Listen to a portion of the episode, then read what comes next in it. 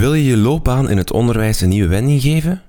App Hogeschool Antwerpen biedt boeiende opleidingen die je vlot combineert met een job. Behaal een extra lesbevoegdheid in één jaar tijd. Misschien wel voor een knelpuntvak. Er zijn flexibele programma's basis- of secundair onderwijs als je al een leraardiploma hebt. Verrijk je kennis met een postgraduaat of start een microdegree in psychologie. Ontdek het aanbod van App Hogeschool op app.be, dat is ap.be of app.be slash leraren.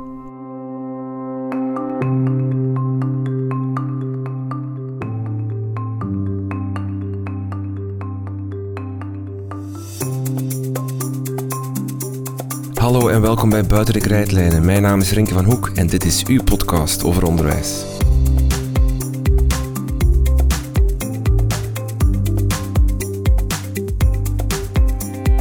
Waarom ben jij leraar geworden? Of directeur, zorgleerkracht? Waarom stappen mensen in het onderwijs? Brigitte Vermeers en Grete Sin gingen in gesprek met leerkrachten en verzamelden 100 redenen om leraar te worden. Die bundelden ze in het gelijknamige boek. Brigitte Vermeers is expert onderwijs bij VRT Nieuws. Grete Sin is programmadirecteur van de lerarenopleiding bij de Hogeschool UCLL. Waarom kiest een mens om leerkracht te worden? Wel, er zijn blijkbaar redenen genoeg.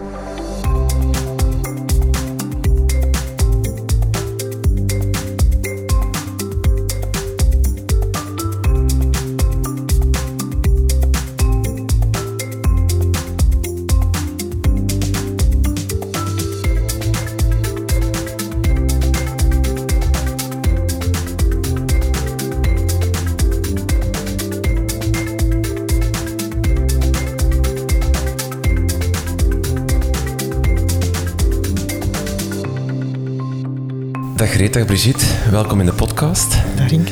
Um, 100 redenen om leraar te worden, het zijn er eigenlijk 109 heb ik gezien. Ja. Het is al een beetje een, een, een, een toegiftje of zo, of een bonus dat je er 8 en 9 meer krijgt en dat er op de titel beloofd wordt. Um, maar um, welke reden hadden jullie om het boek te schrijven? Dat is misschien de eerste vraag. Ik wou vooral het boek schrijven om de stem van de leraar zelf te horen. Omdat ik vind, er wordt zoveel over leraren gesproken. Maar wat denken zij zelf? Waarom zijn zij in het leraarsberoep gestapt? En waarom doen ze het nog elke dag graag? Dus we wilden ook de stem van gedreven leraren uh, horen. Omdat ik denk dat we die vooral voor de klas willen hebben. Mm -hmm. Dus dat was voor mij de belangrijkste reden. De stem van de leraren zelf eens horen over dat leraarsberoep.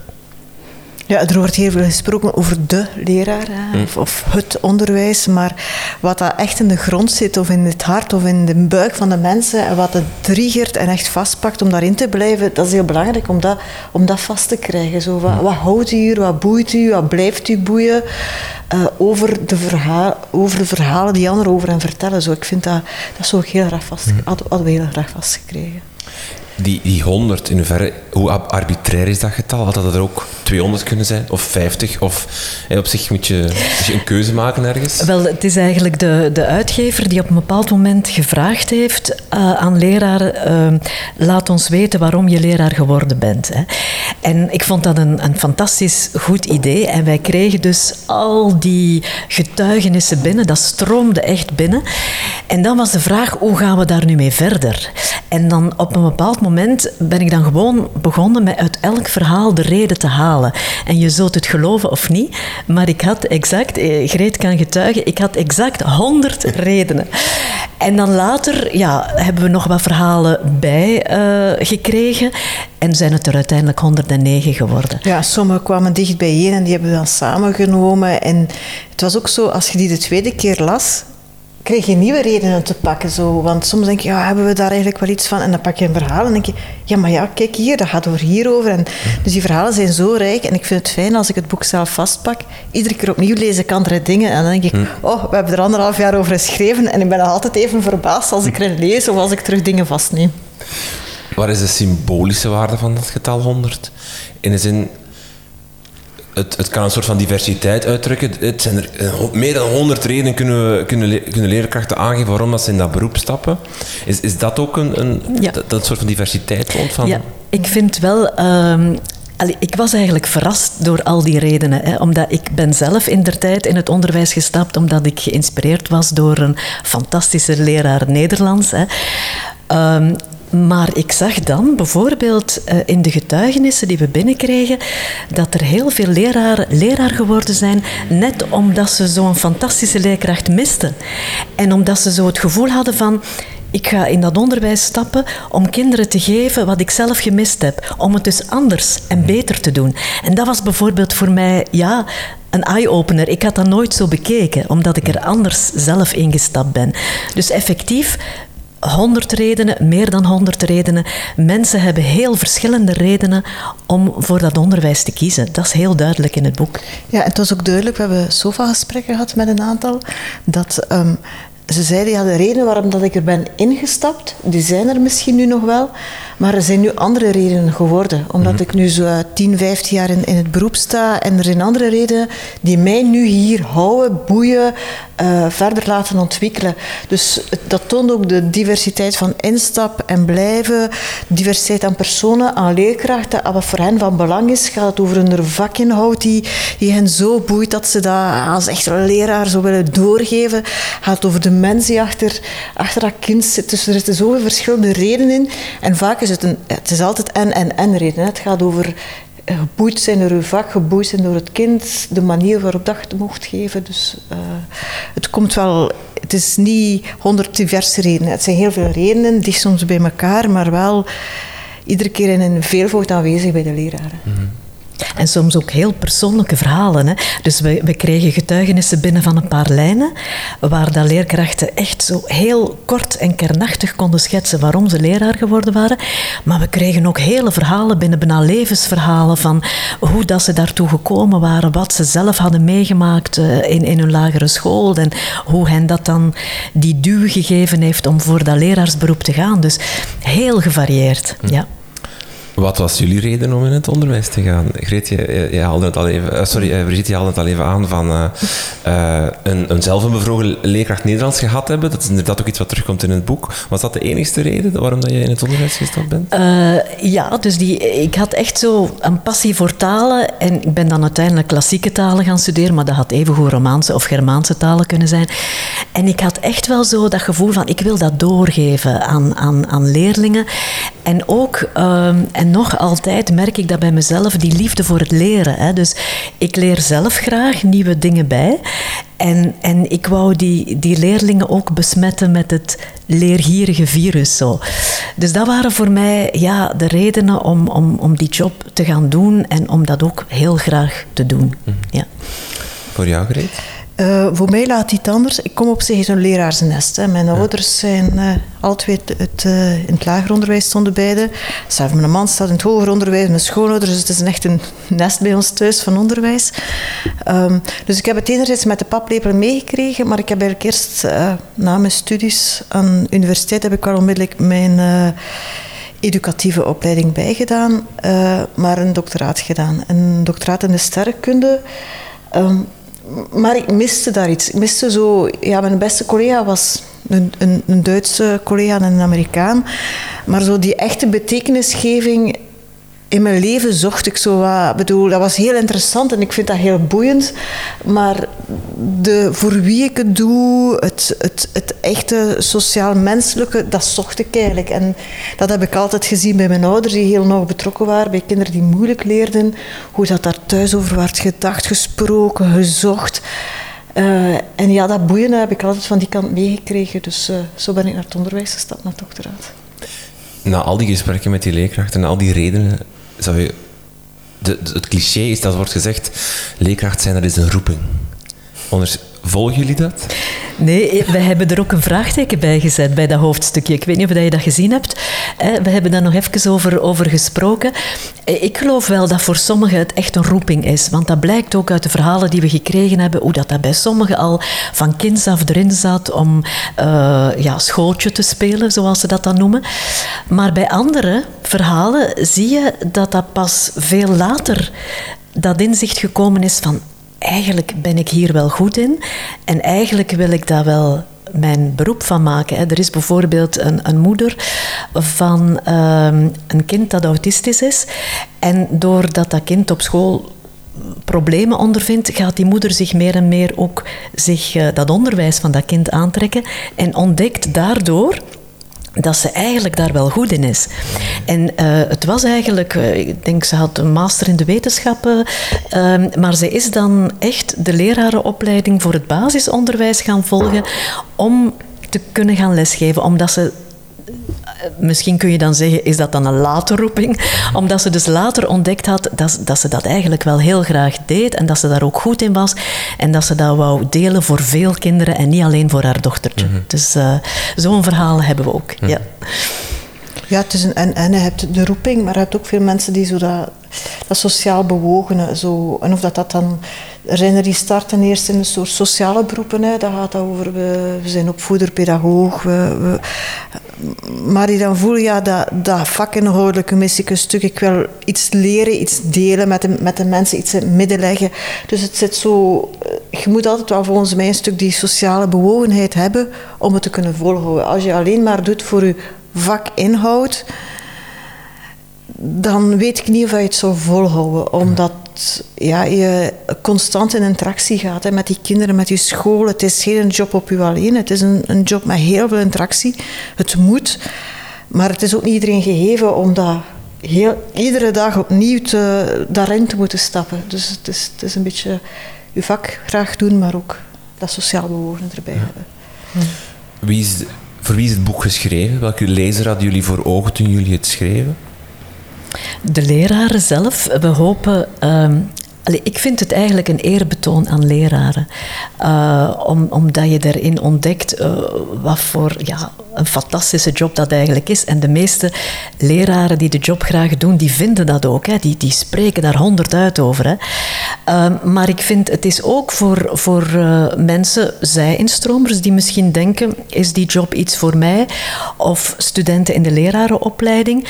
Um, kan het boek wel heel inspirerend zijn om inderdaad te zien van ja, ik herken mij wel in een aantal van die redenen, dus misschien is het wel een job voor mij. Maar, heel belangrijk, ik hoop eerlijk gezegd dat ook ouders en mensen die niet meteen bij het onderwijs intensief betrokken zijn, dat die het boek ook gaan lezen, omdat ik denk dat het een beeld geeft van de veelzijdigheid van de job, uh, van de complexiteit van de job, um, waar veel mensen denk ik niet bij stilstaan. Mm. En dus ik hoop dat het op die manier ook kan, kan bijdragen tot een waardering van de buitenwereld voor het leraarsberoep. En het, het was ook zo'n medium, hebben we gevoeld, waar leraren wel toe kwamen om te schrijven. Um, met de vraag, ja, waarom zit je leraar geworden? Dat was gewoon een online vraag uh, op een, via de uitgeverij. Kregen we heel makkelijk de verhalen binnen, of heel veel verhalen binnen. Um, als we het erachter vroegen van, ah, we hebben een sofagesprek en er komen leraren luisteren, waren die plots veel bescheidener. Toch mijn verhaal niet. En, en zo het, het, delen van hun trotsigheid of zo, ze durven soms bijna niet meer te zijn. Ik ben, ik ben leraar, want dan wordt er onmiddellijk allemaal clichés van vakanties ernaast gezet. En, uh, en dat is zo jammer, want het is, het is, het is eigenlijk zo jammer dat de mensen die tegen maar zoveel passie doen, het niet meer durven een passie delen, want ja, dan krijg je een soort reactie terug, een soort jammer hoe wat maatschappij geïnspireerde reactie van allee, toch geen leraar of zo, of ja. heb veel vakantie, of uh, waarom heb je het afgekozen, zijn je niet te slim om leraar te worden. Ja. Dus het was zo, het, het, ik vind dat zo jammer, die stemmen van die, van die mensen die zoveel te vertellen hebben, dat die dat niet meer durven te zeggen. Dat is ook wat jullie in de inleiding schrijven. Schrijven van, we willen een reëel beeld geven van het leerkrachtenberoepen, van dat leraarschap. Hoe, hoe komt het dat dat, dat dat beeld vertroebeld is, of vertroebeld was, of, of altijd al vertroebeld geweest is, dat, dat, maatschappij en, eh, dat de maatschappij geen, geen correct of een, een verkeerd beeld heeft van, van het leraarschap of het leraar zijn? Ja, oh, er zijn... ja. Hoe komt het? Er zijn heel veel visies op wat dat goed onderwijs is. Hè. Als ik u laat uw visie uitschrijven, de mijne, Brigitte... Ik denk dat wij misschien nog relatief dicht bij elkaar zitten. Wat zou kunnen goed onderwijs zijn? Maar onderwijs zit ook in een politiek gegeven, jammer genoeg. Um, wat we eigenlijk onderwijs zou moeten op zich zelfstandig kunnen staan, maar niet politiek geïnspireerd worden. We hebben gelukkig de vrijheid van onderwijs in, in, in, België. Ik snap wel met de subsidiering dat er een soort afspraak, een minimumkader is waarin, waartoe je je, je verhoudt. Ehm, maar dan heeft iedereen zijn eigen inkleuring. Wat zou dat goed onderwijs zijn? En vroeger werd dat beperkt. Waren er een aantal instanties die dat zeiden, of een aantal leraren van het dorp die zeiden wat goed onderwijs is. Nu is de maatschappij verruimd, veel, veel zichtbaarder, veel dichterbij. Dus wat is goed onderwijs wordt langer hoe complexer te definiëren en, en krijgt ook een persoonlijk interpretatiekader. Het is wordt een subjectief gegeven. Uh, wat is voor mij goed onderwijs vinden we, en denk ik, in, in deze maatschappelijk moment waarin dat we nu staan, een, dat mag uitgesproken worden, maar iedereen verwacht dan ook op dit moment door de individualisering dat daar wordt naartoe gewerkt. Ja. En, en daardoor wordt het ook veel complexer om ook te, te definiëren, ook voor leraren, om te zeggen, ik geef goed onderwijs om die en die en die reden. Want eigenlijk vinden sommige mensen dat dat dan weer geen goed onderwijs is. En het is, het is een heel complex gegeven geworden.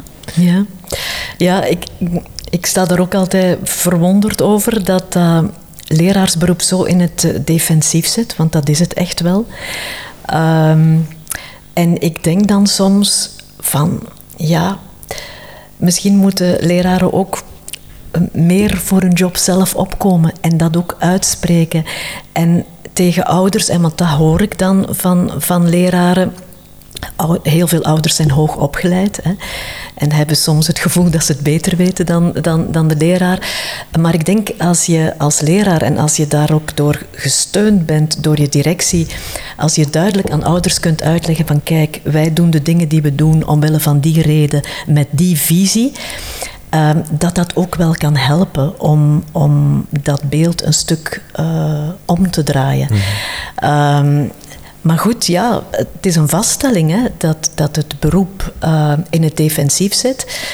Het is ook een beroep dat misschien een beetje ingaat tegen de tijdsgeest. Hè? Want uh, als ik nu, uh, mijn zoon is, is pas beginnen werken, als ik hoor zijn vrienden.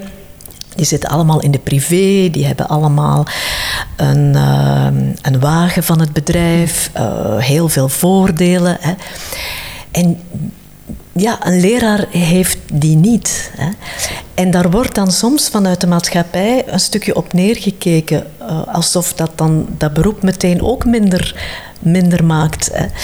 Dus uh, ook dat speelt volgens mij allemaal mee. Die, die materiële tijdsgeest, die materiële individuele tijdsgeest waarin we nu voor een stuk zitten. En als je dan leraren hoort die effectief soms zeggen van ja, voor mij is dat loon natuurlijk, je moet financieel kunnen leven van je en je moet goed betaald worden. Eh, maar eigenlijk is dat voor mij niet het belangrijkste. Ik haal vooral voldoening uit mijn contacten met die leerlingen, uit het feit dat ik leerlingen kan laten groeien, dat ik een, een verschil kan betekenen voor een leerling. Ehm, ja, dat is, dat is iets wat op dit moment in onze maatschappij, denk ik, minder gewaardeerd wordt. Heeft het ook te maken met het feit dat iedereen onderwijs wel vrij goed kent, als in langs de, de, de, de klantzijde, de leerlingzijde. Iedereen heeft daar gezeten, iedereen heeft die leerkrachten gezien, weet ook dat die twee maanden vakantie hebben, maar weet natuurlijk de achterkant weet ze niet. Maar van werken in een chemische fabriek weet je helemaal niets. Daar gaan, gaan, mensen binnen, maar je ziet dat niet. Terwijl iedereen heeft wel al de binnenkant van een school gezien, waardoor dat er misschien meer percepties gevormd worden zonder het echt te weten, terwijl over werk in, in een chemische fabriek geen percepties zijn, omdat niemand dat weet. het is een van de eerste dingen dat wij doen als onze studenten binnenkomen in de lerarenopleiding, is hun eigen subjectieve onderwijstheorie bespreekbaar stellen wat denk jij wat dat goed onderwijs is? En dan komen ze met wat dat ze zelf beleefd hebben. En ze denken dan, dat is goed onderwijs. Want mm. dat, of ben, daardoor ben ik toch naar hier gekomen. Dus het moet dan toch niet zo slecht zijn wat ik daar heb gehad. Dus zij hebben dat. En dat is al heel hard om mee te werken. We hopen dat na drie jaar vast te krijgen. Hoe, wat is dat voor jou goed onderwijs? Hoe verhoudt je? Maar iedereen heeft die subjectieve onderwijstheorie. Door mm. ervaringen gekweekt. En niet door de andere kant van de, van de medaille te zien. Hè. Wat is het lerarenberoep ten volle? Het is, het is meer dan die dan die uren voor de klas staan. Hè. Het, is, het is gigantisch veel meer dan dit. Hè. Het, eh, het, het, vraagt veelal. Uh, als, ik u, als ik u zou vragen om vijf of zes uur per dag met een groep mee te trekken. Dan zeggen de meesten, goh, tegen s'avonds als ik zo'n groep heb begeleid of als ik nog maar een verjaardagsfeestje thuis heb gehad, hoe, hoe. Uh, maar die leraar doen het wel dag op dag. Hè. Vier uur, vijf uur, zeven uur, acht uur met die kinderen. Zich daar te volle in gaan zetten. En dan hebben ze nog geen lesvoorbereiding gemaakt, nog geen evaluaties geschreven, nog geen nieuwe dingen ontwikkeld. Ja, dat, dus kennen, kinderen kennen maar een heel klein stukje, kennen niet maar de voorkant en niet wat er echt in het midden gebeurt. Mhm. Heeft het ook te maken met het feit dat het beroep of wat sommigen zeggen, het beroep meer zorgend geworden is doorheen de jaren? Ik vind wel, uh, dus ik heb het verschil gezien. Hè, dus uh, in midden de jaren tachtig stond ik voor een klas, een eerste Latijn, negen uur Latijn, allemaal meisjes. Hè. En dan ben ik uh, in 2017 een maand gaan lesgeven in een OCAN-klas. Dus met allemaal anderstalige leerlingen die nog maar net in Vlaanderen waren, geen woord Nederlands spreken. En dan heb ik natuurlijk ook gemerkt dat je uh, als, als leerkracht wordt je geconfronteerd met, met heel veel meer dingen waar ik vroeger niet mee geconfronteerd werd. Dat was uh, armoede, hè. dat was uh, kinderen die oorlogsgruwel hebben meegemaakt. Hè. En, en dat komt wel allemaal heel sterk op u af. En dan, dat zeggen we ook in ons boek, dan moet je als leerkracht eigenlijk ook wel grenzen stellen. Want als je al die rugzakjes mee opneemt, dan ga je gewoon onder. En dan kun je niet meer doen wat je eigenlijk moet doen, en dat is lesgeven. Hè. En in mijn geval, die, die leerlingen zo snel mogelijk Nederlands leren, zodanig dat ze hun weg vonden hier uh, in, in Vlaanderen. Um, dus ik denk, en dat, dat zeggen we ook in, in ons boek heel duidelijk, uh, de leerkracht vandaag kan het eigenlijk niet meer alleen. Hè. Uh, je, je, moet, uh, in, je moet kunnen steunen op een team. Toen bijvoorbeeld op mijn school in Antwerpen, de Okan-school, hadden wij heel goede leerlingbegeleiders. Hè, waar ik kon signaleren van, dat kind dat voelt zich niet goed in zijn vel, daar is iets mee. Uh, en die leerlingbegeleider die nam dat op, die ging daarmee spreken. En ik als leerkracht was dan gerustgesteld van, er wordt voor dat kind gezorgd. En dat ontzorgen een stukje van, van de leraar in de huidige context van veel meer diversiteit in onze klassen. En de leraar die het niet meer alleen kan, maar die het ook niet alleen moet doen, die, die kan uh, terugvallen op mensen die hem helpen, dat is heel belangrijk, denk ik. Mhm. ja. ja, er was vroeger ook veel zorg. Ik heb nu, natuurlijk, mijn ouders komen al twee. Mijn mama stond in het buitengewoon onderwijs, mijn papa was zorgleerkracht, dus ik zag heel veel zorg gebeuren. Uh, het zorg zat hoofdzakelijk op het leren van kinderen. Maar er was veel meer die, die monocultuur. Hè, een soort, veel meer, toch meer dan nu, een gelijkgerichtheid op wat dat onderwijs is. En nu is die, die is al diverser geworden. Onze die, onze omgeving, onze maatschappij is ook diverser geworden. Dus ben wel zo aan het zoeken bij je zegt, ja, is het zorgender geworden? voor mij is het niet op zich zorgender geworden, maar is het gewoon echt diverser, complexer geworden. Uh, die zorg is er altijd in gezeten. Ik ken heel leraren van vroeger die, kan, die geen zorg hadden. Maar de complexiteit is vergroot waarin een leerkracht moet of, of functioneert. Vroeger waren er dan sommige zaken ik, eh, ik denk aan pesten. In, mijn school werden er toch vroeger zaten er pestproblematieken, maar die werden niet aangepakt. Ik kan niet de scholen noemen waar het niet meer zou gebeuren. Ik bedoel, eh, het is goed dat er, dat er een soort zorg is bijgekomen, want dat heeft impact op, de, op, die, jongeren, op die jongeren die gepest werden. Nu is er veel meer aandacht, wat ook goed is dat die aandacht er is, maar het, wordt wel, ja, het is veel wat in een school aanwezig is. Het zijn microcosmossen bijeen, die, die aan het bewegen zijn, die leren, die die maatschappij in zijn complexiteit binnenkrijgen, die groter zijn geworden. En in Hans die microcosmos ja, moet die leraar proberen te bewegen. Mhm. In hoeverre is het boek een reactie of een, uh, ja, een reactie op het lerarentekort?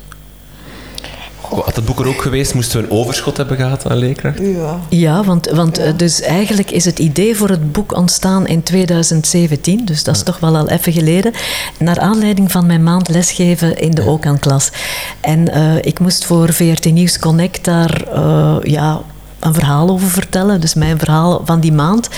En dus in de zaal zat Hilde van Mechelen van de uitgeverij Lano. En het is zij die toen aan mij gevraagd heeft van... Goh, dat is zo'n mooi verhaal, Brigitte. Kunnen we daar niks mee doen? Kunnen we daar niet een boek rond maken? Nou, het heeft uiteindelijk lang geduurd eer het boek er lag. Dus het, het, het, het is niet geschreven in de acute fase nu van het lerarentekort. Het is eigenlijk heel toevallig dat het nu klaar geraakt is uh, op dit moment. Ja. ja, want iedereen zegt is het meest geschikte moment om uit te komen. Ja, dat, dat is eigenlijk echt een toevalstreffer, want dan heeft de uitgeverij heeft ons anderhalf jaar terug, denk ik, zoiets samengebracht. En uh, zijn we beginnen, eraan begonnen. En laat aan de uitgeverij was het al veel vroeger klaar, maar we hebben altijd andere, andere job ook te gaan. Dus dat was, uh, we hebben nu en dan een keer moeten op de rem staan in, in onze, om onszelf wat te beschermen daarin. Dus het is een toevalstreffer die op het goede moment uitkomt, dat moeten we toegeven. De honderd redenen worden opgedeeld in, in vier categorieën. Uh, de wie, wat, hoe en waarom. Is er een categorie die er uitspringt qua waar de ja, sterkste reden, dan zou je een soort van waardeoordeel tussen verschillende redenen, maar waar je van voelde van dat is het gemakkelijkst om te vullen, daar, daar, dat is voor leerkrachten een belangrijke. Ja. De wie. Ja, de wie en de waarom eigenlijk ook. Hè. Maar eigenlijk allemaal hoor. Maar... Eigenlijk allemaal. ja, maar zo, ze doen het... Het culmineert in de waarom, vind ik. Ja. dus, uh, want uiteindelijk, in, uh, ik ben er echt ook wel van, ja, positief verrast dat leerkrachten heel bewust zijn van hun rol. Van dat ze eigenlijk bezig zijn met een toekomstige generatie te vormen. Een toekomstige generatie die dan het weer gaat overnemen en misschien leidinggevende functies gaat uitoefenen in de maatschappij. En ze zijn zich daar heel, heel sterk van bewust. Dus niet alleen dat ze een verschil kunnen maken in het individuele leven van, van een leerling, maar ook dat ze mee het verschil maken voor de toekomst. Sommigen schrijven zelfs, eh, ik, ik wil op die manier meewerken aan een betere toekomst. En dat vond ik, eh, en, en daar Allee, in dat culmineert alles, hè, want daar zit je met de wie. Hè. Je werkt met die jonge mensen van de toekomst. Daarin zitten wat. Wat geef je hen door aan waarden voor de toekomst? Hè. Uh, en de manier waarop dat je dat doet, dat je die gasten kunt inspireren door uw lesaanpak, door uw creativiteit in die lessen te leggen. Dus eigenlijk vond ik in de waarom, en dat is ook ons laatste hoofdstuk, dat daar eigenlijk alles wel mooi samenkomt. Ik weet niet ja. hoe dat jij daarover denkt, Grete. Ja, waarom dat je zo die Sommigen zeggen het heel... Zijn het, je, geeft ook, je wordt een beetje onsterfelijk, omdat je het zo doorgeeft. Het is, het is, het is wel een eigen gevoel van ik, ik geef door wat ik te bieden heb als ik beteken iets voor, voor, voor hier, deze maatschappij. En dat komt, ja, dat komt wel in de waarom heel mooi, mooi samen. Dat klopt.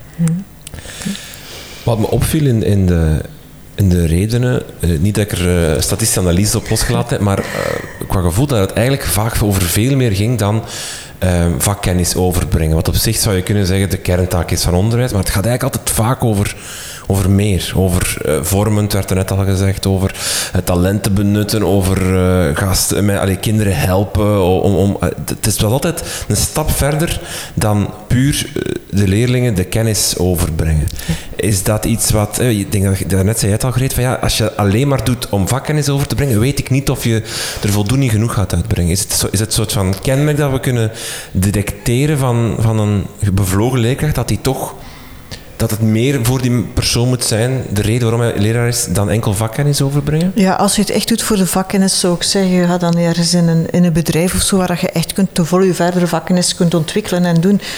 Uh, en dat is ook goed dat je dat kunt en, en die weg uitgaat. Maar als je het niet kunt doen voor de, voor de mens rondom je, voor dat leren die interessant is, voor de manier waarop dat leren kan gebeuren, uh, dan, dan hou je het niet vol. Hmm. Dus, um, en misschien daaraan gekoppeld.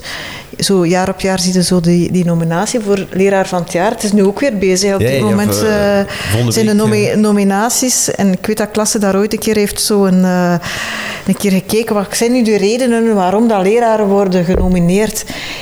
En dat was heel opvallend. Dat gaat het juist over niet de vakkennis, maar mm. over de manier waarop dat ze het aanpakken, hoe dat ze in het leven staan, hoe dat ze in gesprek gaan, hoe dat ze de relatie gaan met de kinderen. Die hen noemen, dat maakt hen tot leraar. De, die vakkennis, de vraag is dan waarom staat dat er zo niet expliciet in? omdat dat wordt verondersteld dat een leraar dat heeft. Een leraar moet iets in het midden kunnen leggen, dus hij heeft zijn vak en het is de manier waarop dat je leraar wordt, dat je leerkracht wordt, dat je die kracht geeft eigenlijk. Is daar dan in, in opleiding te weinig aandacht voor? Voor? De, de, de leraren maken het verschil met relationele eigenschappen, schrijven jullie Ja, ja. rond dat stukje rond, we waren in klasse. En het, de redenen tonen ook aan dat het vaak daarom draait, dat dat ook de voldoening geeft, of dat ook de reden is waarom dat je het doet. Terwijl een lerenopleiding eh, terecht veel focust op die vakkennis, op zorg dat je je vak kent en dat je het didactisch goed kan overbrengen. Maar, Maar dat is wel het begin natuurlijk. Ja, ja. Je moet een beetje, het is een soort veiligheid ook dat ze krijgen. Ik bedoel, als ik u in het midden zet van een publiek over een inhoud dat je niet meester bent, gaat je je al heel onveilig voelen. Dus het is een soort, ja, je moet die, die, die kennis moeten hebben om een soort veiligheid van, ja, dat heb ik al beet. Op dat interactieniveau spelen we ook heel hard in, hè, in de lerarenopleiding. Ik weet bijvoorbeeld in, in ons kleuteronderwijs, we hebben zelf onderzoeksprojecten waar je het echt het meespelen met het kind. Het kind speelt en je doet gewoon na. Dus eigenlijk naspelen van het kind om tot interactie te komen met kinderen waar het moeilijk gaat. Zodat zien ze, ah, ik doe iets die van belang is, want die doet dat ook. Dus op dat interactieniveau zetten we, zetten we ook in. Maar er moet wel iets in het midden gelegd worden. Dus het is, het is en vakinhoud en, en dat inter, interrationele dat we mee bezig zijn. De, de leerkrachten in onze sofagesprekken eh, bij het event, die, die zegden dat ook heel mooi. Hè? Van, allee, ik vind de, de, de vakkennis en, en weten hoe je je vak kennen en weten hoe je het aanbrengt eh, bij leerlingen, dat is gewoon de basis. Dat moet je gewoon hebben. Maar dan ga je in die klas staan en die leerkrachten vertelden dat, hoe dat ze door de jaren heen ook groeiden daarin. Hè. En hoe dat ze eigenlijk de job alsmaar liever gingen doen, precies omdat ze beter en beter wisten hoe ze konden inspelen op uh, hoe leerlingen reageren op hun lessen, hoe dat ze leerlingen nog verder konden brengen. Um, dus ja, dat is, uh, de vakkennis, vind ik, die moet er absoluut zijn. Dat, uh, dat is de basis. Maar daarnaast um, voelen hoe je leerlingen verder kunt krijgen, hoe je leerlingen kunt motiveren, hoe je leerlingen, komt in ons boek heel vaak voor, dat duwtje in de rug kunt geven, waardoor ze die drempel wel kunnen nemen. Maar dat zijn ook de dingen die, die je als leraar net die grote voldoening geven. En waardoor je, ja, waardoor je de job blijft doen en er blijft voor gaan. Hè. De, ik zal het anders formuleren. In de, in de maatschappij of in de media wordt nu heel hard gezocht naar oplossingen voor problemen binnen het onderwijs. En dan is kennisoverdracht of meer focus op basiskennis of leerkrachten moeten vak uh, inhoudelijk sterker worden of, of de, de, de lat moet omhoog. Wordt wel heel vaak dat kennisargument gebruikt. Uh, is terwijl voor leerkrachten dat vaak, ook als zij een reden moet opsommen, niet allee, ook belangrijk is, maar niet de reden of de, of de enige reden is waarom ze het doen. Is, het, is dat iets waar dat, we, dat ze te kort door de bocht wordt gegaan van... Ja, let toch op, want als je meer leerkrachten wil, wil krijgen in je moet je het niet alleen hebben over het feit dat we de lat hoger gaan leggen, maar ook dat we, dat we een duwtje in de rug willen geven en daar mogelijkheden voor toe willen scheppen. Ja, als je, je haalt nu heel veel dingen, ja, dingen ja, bijeen. Aan. Enerzijds gaat het over de lat omhoog halen. En, en, en de vraag is altijd bij mij, terwijl ik wiskunde heel belangrijk vind, ik ben een wiskunde leerkracht. Um, over welke lat hebben we het allemaal? Hoeveel latten leggen we niet in ons onderwijs? Dat gaat over wiskunde, Nederlands, Frans zijn de meest voor gehoorde. Maar het gaat even over begrijpen van uh, burgerschap zijn, politiek politiek geïnteresseerd zijn, uh, weten hoe het om te gaan met diversiteit, um, uh, Hans het uh, duurzaamheidsaspect kunnen integreren in, in uw leven en daar naartoe handelen. Dus er, is heel, er zijn heel veel latten mm -hmm. die er komen, die, erbij, die er misschien bij komen, maar waar dat je ook niet meer zonder kunt. We kunnen geen school geven zonder met die diversiteiten. We kunnen geen school geven zonder met duurzaamheid bezig te zijn. Dus er komen heel veel latten bij. En de vraag is, als je de som maakt van de latten, hoe hoog liggen we? uh, want als we misschien... Ik ben, uh, mijn jongste zoon zit nog in het uh, secundair onderwijs, vijfde middelbaar. Als ik zie wat dat zij doet, ongeveer dezelfde studierichting dat ik vroeger had gedaan. Wat voor vakken houden ze daar soms moeten verwerken voor andere vakken. eh, biologie, chemie, fysica. En ik heb wetenschap gedaan aan het hoger onder, aan, de universiteit. Ja, dan denk ik, dat is veel meer dan wat wij vroeger hebben gehad in het middelbaar onderwijs. Dus ik denk dat we een keer moeten de som van de latten gaan bekijken. En dan goed nadenken, wat willen we? Hè? Wat, wat, wat, is haalbaar in die paar uur per week dat de kinderen bij ons zijn? Hm. Ja, ehm, dus wat je zegt, ehm, ik denk wat leraren motiveert, dat is heel vaak de passie voor hun vak doorgeven, uh, maar ook zoeken naar manieren om die kinderen dat te kunnen leren. Hè. Dus, en daar zit volgens mij ook die onderwijskwaliteit. Dat je als leraar, en daar moet je dan als leraar ook absoluut de ruimte en de tijd voor krijgen om eh, wat ze dan noemen, dat professionaliseren, dat bijleren. Want dat zit in ons boek ook heel sterk, dat leraren mensen zijn die leren kinderen, maar die willen zelf ook bijleren. En ehm, om precies die kinderen verder te krijgen en om precies uh, die, die kinderen te leren wat ze nodig hebben voor later. Hè, om ook andere domeinen te kunnen bestuderen, moet je eerst wel de basis uh, kennen. Hè. En dat vind ik als, als leerkracht, allez, daar ga je voor om zoveel mogelijk kinderen dat te kunnen doorgeven. En om dat te kunnen doen, moet je ook als leraar zelf de kans, de tijd en de ruimte krijgen om bij te leren. En ik heb al eens het voorstel gedaan. Uh, nu dat we een beetje meer vertrouwd zijn met uh, afstandsonderwijs, waarom zou je bijvoorbeeld niet uh, keer om de veertien dagen op woensdag kwaliteitsvol afstandsonderwijs organiseren? Door een handvol leraren, zodanig dat heel veel leraren vrij zijn om in die uren, ik zeg maar iets, begrijpend lezen, een school is daar zeer goed in, is gaan kijken naar die school. Hoe doen die collega's dat daar? Uh, kunnen wij daar ook van leren? Kunnen wij dat ook in onze school introduceren? Dus die, die professionalisering is heel belangrijk ook om de job aantrekkelijk te maken. Om leraren te, te, te tonen, dit is een, niet een job waarin je stilstaat. Dit is een job waarin je groeit. En je groeit door je contacten met de leerlingen, want ook Daaruit leer je enorm veel, maar je groeit ook doordat je de mogelijkheden krijgt als leraar om u te ontwikkelen, om u verder uh, te professionaliseren. En ik denk dat dat een heel sterk element is in de aantrekkelijkheid van de job. Leer, leraren een, een pad tonen dat het niet is wat ze altijd zeggen, de vlakke loopbaan, maar dat er echt wel mogelijkheden zijn om als leraar ook te groeien, bij te leren en te professionaliseren. Mhm. Dat is ook een van de redenen, eh, omdat het een uitdagende job is. En ik vond het heel interessant, het verhaal dat dan bij stond. Ik denk dat van, van jou was, Brigitte, over de maskers eh, in de, in de OKAN-klas. Ja, ja. Um, uh, misschien moet je het verhaal vertellen en, en, en uitleggen waarom het dan voor jou een uitdaging was. Ja, wel, dus dat was... Uh, dus ik ben natuurlijk aan, aan die maand uh, Nederlands... Ik had nog nooit Nederlands gegeven en nog nooit Nederlands gegeven aan anderstalige leerlingen. En dus in het begin, ja, deed ik dat zoals ik in, in der tijd ook mijn Latijn gaf. Hè. Dus uh, ja, nieuwe woorden aanbrengen, oefeningen maken. Maar op den duur ja, ik stond heel veel uren voor de klas. Hè. Dat was niet zoals vroeger twee uur Latijn en dan was ik weg uit die klas. Hè. En ik voelde van, dat is te zwaar voor die leerlingen. Dat, allee, die kunnen maar...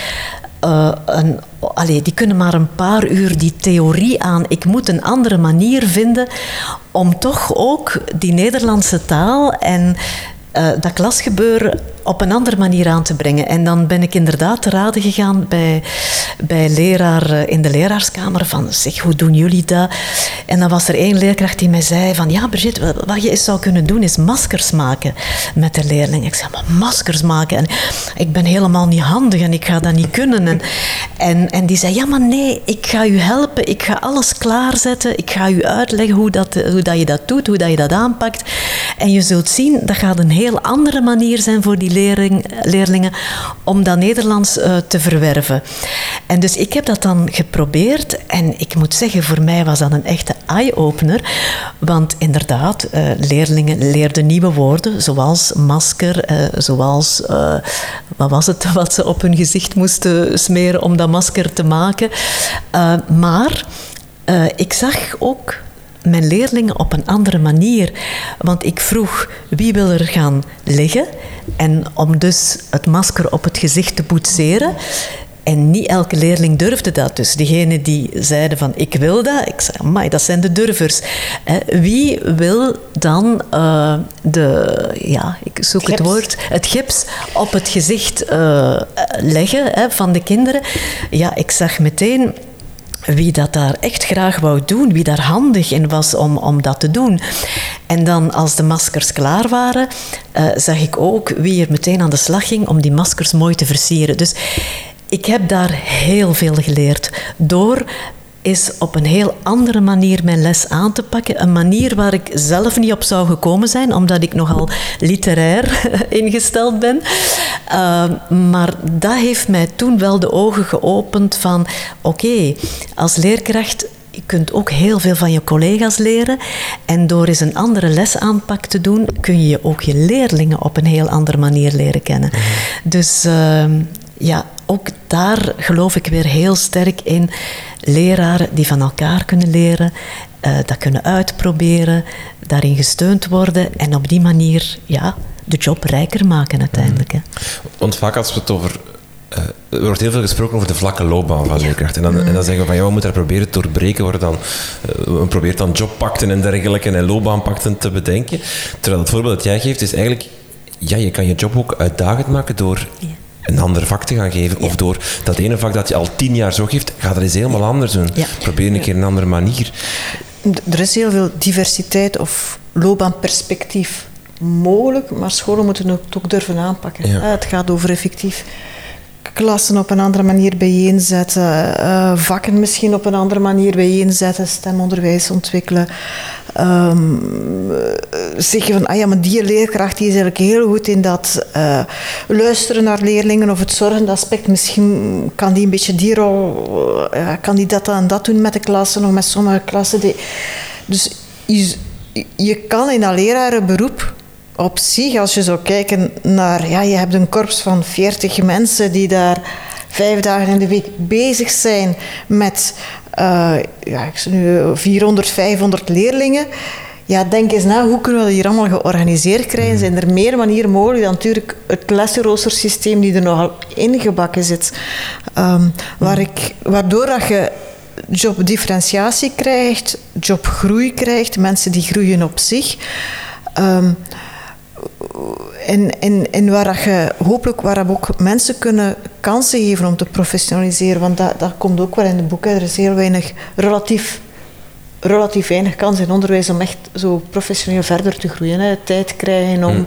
om Banaba buitengewoon onderwijs of meertalig onderwijs aan te pakken. Die opleidingen bestaan. Maar geef de mensen een keer tijd om dat te doen. Ik denk niet als je bij HP of zo werkt, als je zegt ik wil me bijscholen, dat je dat moet doen buiten de uren. Ja, nee, je, je gaat op congres tijdens de uren. Je, bedoel, je doet daar heel veel tijdens de uren. En voor onderwijs moet het daar nog altijd uh, is er zelf geen tijd of ruimte om het echt te creëren. Het, het, het, uh, het, is ook heel moeilijk, zeker nu met lerarentekort. Er is lager onderwijs of voor mm. geen vervanging ter beschikking. Het is ook heel lastig soms om door te geven. Ja. Uh, ik denk dat we hier op een punt zitten. ik denk om de kwaliteit van het onderwijs op te krikken hè, of beter te maken, heb je goede leraren nodig, maar heb je ook goede directies nodig. En die goede directies, dat zijn net die mensen die kunnen inspelen op de talenten van hun leraren. En die leraren kunnen inzetten op hun sterktes. En als je als leraar iets mag doen waar je goed in bent, als je dan ook nog eens de kans krijgt om daarover te mogen gaan bijleren, hè, dan ben je gemotiveerd als, als leraar. Dan voel je je erkend, dan voel je je gewaardeerd. Dan kun je wat je bijgeleerd hebt opnieuw delen met je collega's. Ook dat geeft een heel fijn gevoel. En directies, goede directies, die kunnen dat. Mhm. Die kunnen dat en ik denk dat die al heel veel kunnen binnen de huidige regelgeving. maar ze moeten het doen. Ze moeten het doen en voor mij blijft het toch zo wel wat extra ruimte kunnen creëren om bij te scholen. Ik vind dit toch wel een hele lastige in onderwijs. Ik heb dus ook zo'n berekening gemaakt. Als nu al die leerkrachten om de zeven jaar een stukje sabbatical zou geven, om zo echt in de diepte iets te leren, hè, ter waarde van 10, 20 studiepunten, ja, dat kost een paar miljoen. Is afhankelijk op jaarbasis, dat geven ze maar 20% van hun tijd, hè, de, de ene dag per week in die zeven jaar. Of gezegd, je mocht ook eens een Banaba van 60 studiepunten, maar zegt 4, 5 miljoen.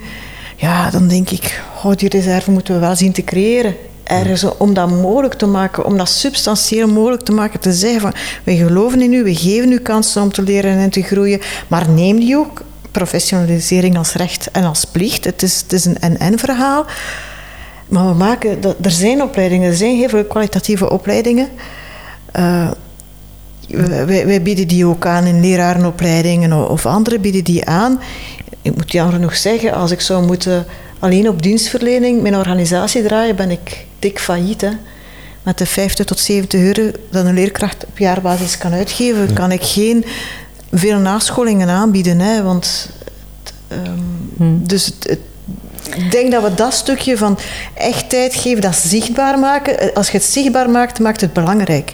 Maak je dat van belang is. Nu is het tussen de soep en de patatten, dus het geeft, het toon, het is niet belangrijk. Het is, een, het is een thema dat een paar keer terugkomt in het boek ook, wat, wat dat je ook echt voelt van het is echt belangrijk voor jullie. En, en we lopen daar ook een beetje achter hè, tegenover andere landen. Het bedrag noem je er net, 87 euro per leerkracht. Terwijl in Nederland in, zo. Is het 800 euro, denk ik, als ik juist ben. Ik moet, dus dat is echt wel een, een, substantieel verschil. Is dat beleidsmatig iets dat, dat een oplossing voor het lerarentekort, als in ja, leerkrachten die zich professionaliseren, voelen zich ook um, expert en, expertise en autonoom en, en, competent in hun job, competent was het woord wat ik zocht, dan blijven ze ook. Ja. Ik heb het zelf als, uh, toen ik die maand terug ging lesgeven, hè, uh, heb ik meteen gezegd van kijk, dit was nu voor een maand, het was eigenlijk een maand onderzoeksjournalistiek voor, mm. voor de VRT dat ik toen gedaan heb. Maar ik heb gezegd, als ik dit nu ehm, wil gaan doen, hè, dus voltijds, hè, dus echt gaan voor ook aan leerkracht, dan heb ik gezegd, dan wil ik eerst eigenlijk bijstuderen en ik wil leren hoe ik moet omgaan met diversiteit, met kansarmoede. Ik wil daar sterker in staan als, als, als leraar. Mhm. Eh, als ik die job ook aan leerkracht zou willen gaan doen. Dus ik vind als leraar merk je heel snel van uh, wat heb ik eigenlijk nog nodig om mijn job nog beter te kunnen doen. Um, en als je dat merkt, dan wil je dat ook doen. En dan moet je ook de mogelijkheid krijgen om dat te kunnen gaan bijleren. En dat gaat u motiveren. Hè.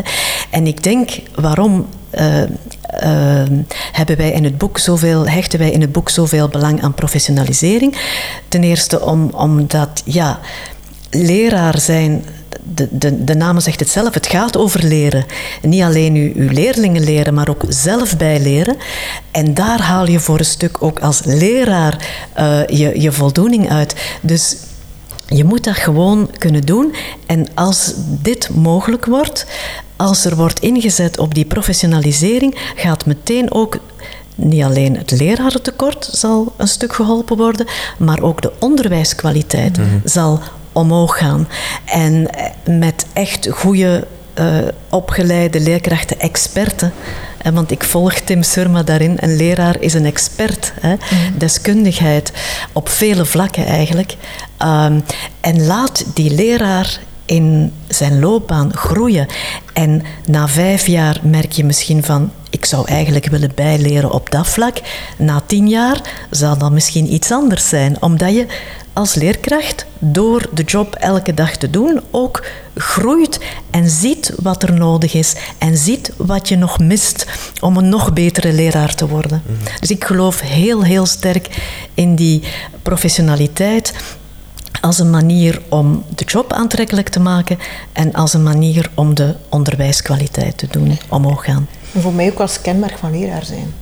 Dus die is een professional, moet daar ook in erkend worden, gezien worden en moet dat kunnen hooghouden als vaandel. Mhm. Dus daar moet voeding aan gegeven worden.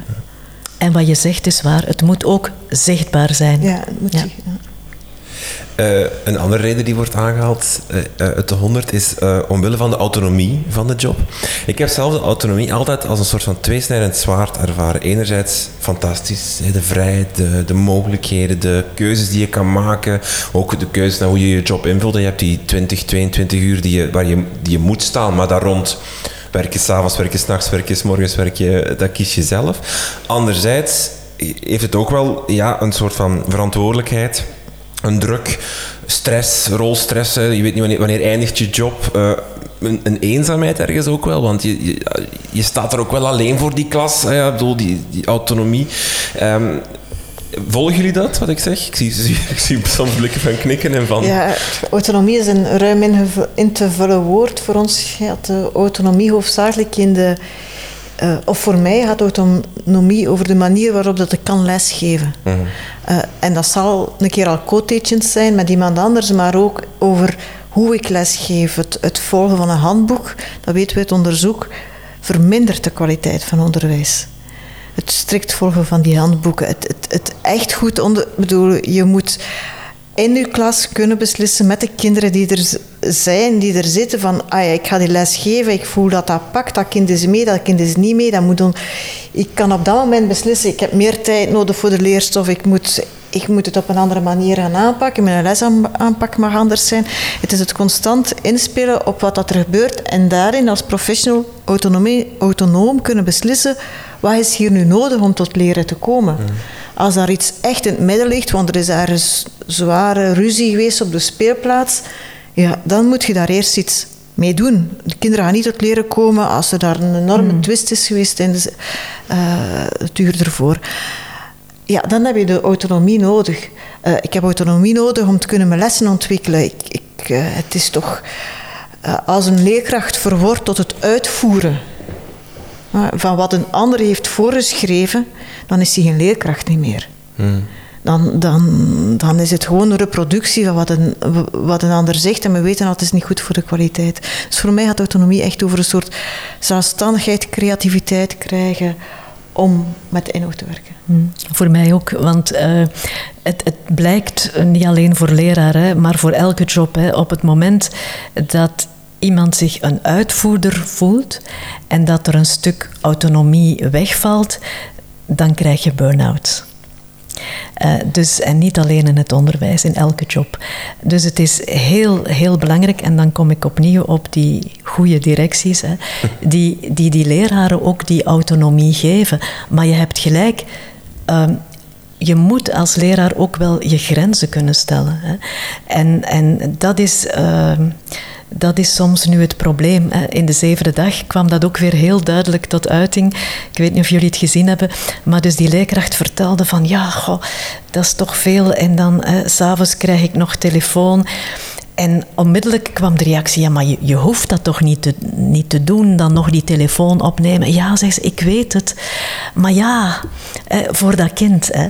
Dus maar, dat bedoel ik dus met... Ehm, als leerkracht moet je ook Ehm, de ouders durven aanspreken en uitleggen hoe je het beste voor hun kinderen wil werken. En bijvoorbeeld aan ouders uitleggen van kijk, als jullie willen dat ik morgen met volle energie terug voor de klas sta en uw kind verder help en de dingen leer dat het moet leren, ja, dan moet je mij s'avonds eigenlijk niet constant zitten mailen en bellen.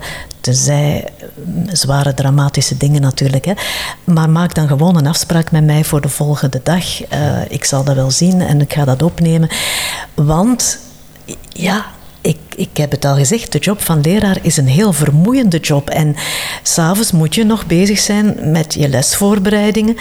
Uh, te zien van hoe pak ik het morgen aan. Dus je hebt die concentratie nodig om dat te doen. Maar je hebt ook rust nodig om tot rust te komen na zo'n dag lesgeven.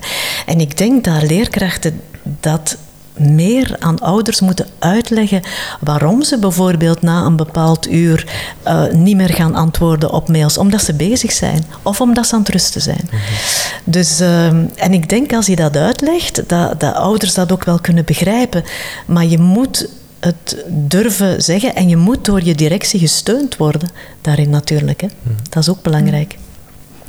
Um desondanks de misschien negativiteit die vaak rond onderwijs of leerkracht of het beroep hangt, als je gaat vragen aan leerkrachten zelf, las ik in jullie boek, 80% zou opnieuw voor de job kiezen, 72% is eigenlijk vrij, is tevreden of zeer tevreden over zijn werk. Dat, ik verschoot wel van die cijfers, omdat het, het, het, gevoel of zo is helemaal anders. Of, of, en dat wil ik maatschappelijk gezien, hè, zo van oh, rond dat, heel veel negativiteit, veel uitstroom, uh, de, de, we zijn niet gelukkig in onze job, er is te veel planlast, er veel dit, te veel dat. Maar als je het eigenlijk gewoon even bevraagt, valt het wel mee.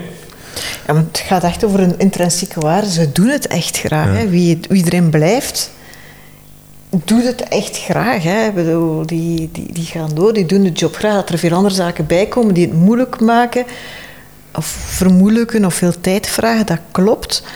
Maar intrinsiek doen ze de job als leerkracht graag. Hmm. Dat het de rest was wat veel is, dat, klopt wel. Er doen een aantal verhalen van mensen die zo in het onderwijs stappen, er dan uitstappen omdat het te moeilijk wordt, maar dan toch ook weer teruggaan. Zo van, dat vond ik toch niet laten. Dat vond ik ook heel mooi, dat verhaal van inderdaad, uh, ook een van de leerkrachten die zei van ja, als, die, die, planlast was mij allemaal een beetje te veel.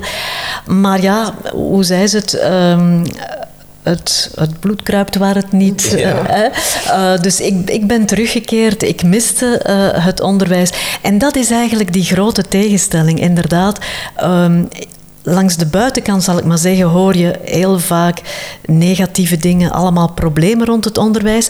Maar ik had dat als journalist ook heel vaak als ik dan een leerkracht bel. En uh, we hebben een babbel. Heel snel komt dat tot die positieve zaken ook. Mm. Hè? Dus dat is zo'n een tegenstelling die je, die je ervaart van buiten en binnen precies. Mm. Uh, maar ja, in ons boek hebben we ook niet willen verbloemen dat er effectief uh, problemen zijn die best snel opgelost worden als we onze leerkrachten willen houden en als we willen inzetten op wat ze echt uh, motiveren. Um, en je moet ook die problemen blijven benoemen, maar het mag er niet toe leiden dat de intrinsieke motivatie, ja, dat, dat, dat die verloren zou gaan. Die is er nog altijd. Dat hebben we zeer sterk uh, ervaren in dit boek. Ja. In de conclusie schrijven jullie, leerkrachten mogen best vier zijn ja. op hun job. Ja, absoluut. Zijn we dat nu te weinig? Ja, we zagen het al op onze sofa-gesprekken. We hebben moeite moeten doen om iemand op die sofa te krijgen, om het uit te spreken voor het publiek van leraren. Dus ze zijn heel bescheiden. Ik denk dat de meeste leraren op zich al bescheiden zijn. Maar zo dat, dat trots durven naar voren komen van ik ben leraar uh, en ik doe dat graag. Dat, uh, ik weet niet hoeveel dat jij er kent in uw omgeving die dat zo voelt. Ze zeggen ja, ik, ben, ik werk daar of ik werk daar, maar ik, ja, ik werk in het onderwijs. ik ben maar leerkracht. ja, en, en dat is, zo, dat is zo, zo, zo jammer, want intrinsiek zijn ze heel trots op hun job. Dus die intrinsieke motivatie zit goed, het, het hart zit goed, de ziel zit goed. Maar dat durven, die externe omgeving staat er niet meer echt voor open. En ik denk dan dat die... En dan, dan kijken naar iedereen iedereen zegt onderwijs is van belang, omarm die dan. Uh, zorg daarvoor. Uh, als, als je voor iemand zorgt, dan zorg je dan met hart en ziel en met warmte voor. En nu is het... Iedere keer zeg je, dat zijn er niet goed bezig, dat zijn er niet goed bezig, dat zijn er niet goed bezig, dat zijn er niet goed bezig. Ja, zo, zo krijg je geen... geen hadden de, de mensen niet laten groeien. Dus ik, het, is, het is een beetje oproep naar ons allemaal. Hè. Omarm wat goed zit in dat onderwijs, spreek dat uit zonder het andere ook niet weg te moffelen. Maar het is een en-en-vraag. Ja, ik denk ook, als we die beweging op gang zouden krijgen... Uh, en misschien, uh, hopelijk, in het boek voelt men zich gesterkt door alle getuigenissen uh, van inderdaad, we hebben toch eigenlijk echt wel een prachtjob. Als je dit allemaal leest, wat wij eigenlijk allemaal doen, wat wij eigenlijk allemaal kunnen, want dat, dat blijkt uit het, het boek, wat, leerkrachten allemaal doen. Fantastische dingen. Wat moest het kunnen helpen om zo die trots uh, ook te durven uitspreken Misschien tegen op dit moment negatieve uh, beeld in de maatschappij dat gaat ook helpen. Dat gaat ook helpen om, om uh, het beeld om te keren. Hmm. Daar ben ik van overtuigd. Dus ik, ik zou ook de oproep willen doen, uh, niet alleen aan de maatschappij om het onderwijs te omarmen, maar ook aan leerkrachten. Wees trots, wees fier op je job. Je hebt een prachtjob. Je mag daarmee naar buiten komen. Je mag duidelijk vertellen wat je voor fantastische verhalen hebt met die leerlingen, met de ouders. Uh, vertel het gewoon. Mooie woorden om mee te eindigen. Het boek uh, 100 Trader om leraar te worden van Lano Campus te vinden uh, in de boekhandels online en zo verder. Ook in de show notes van deze podcast. Brigitte Vermeerst, uh, Geert Gretesin, heel veel dank voor het gesprek. Graag, graag gedaan.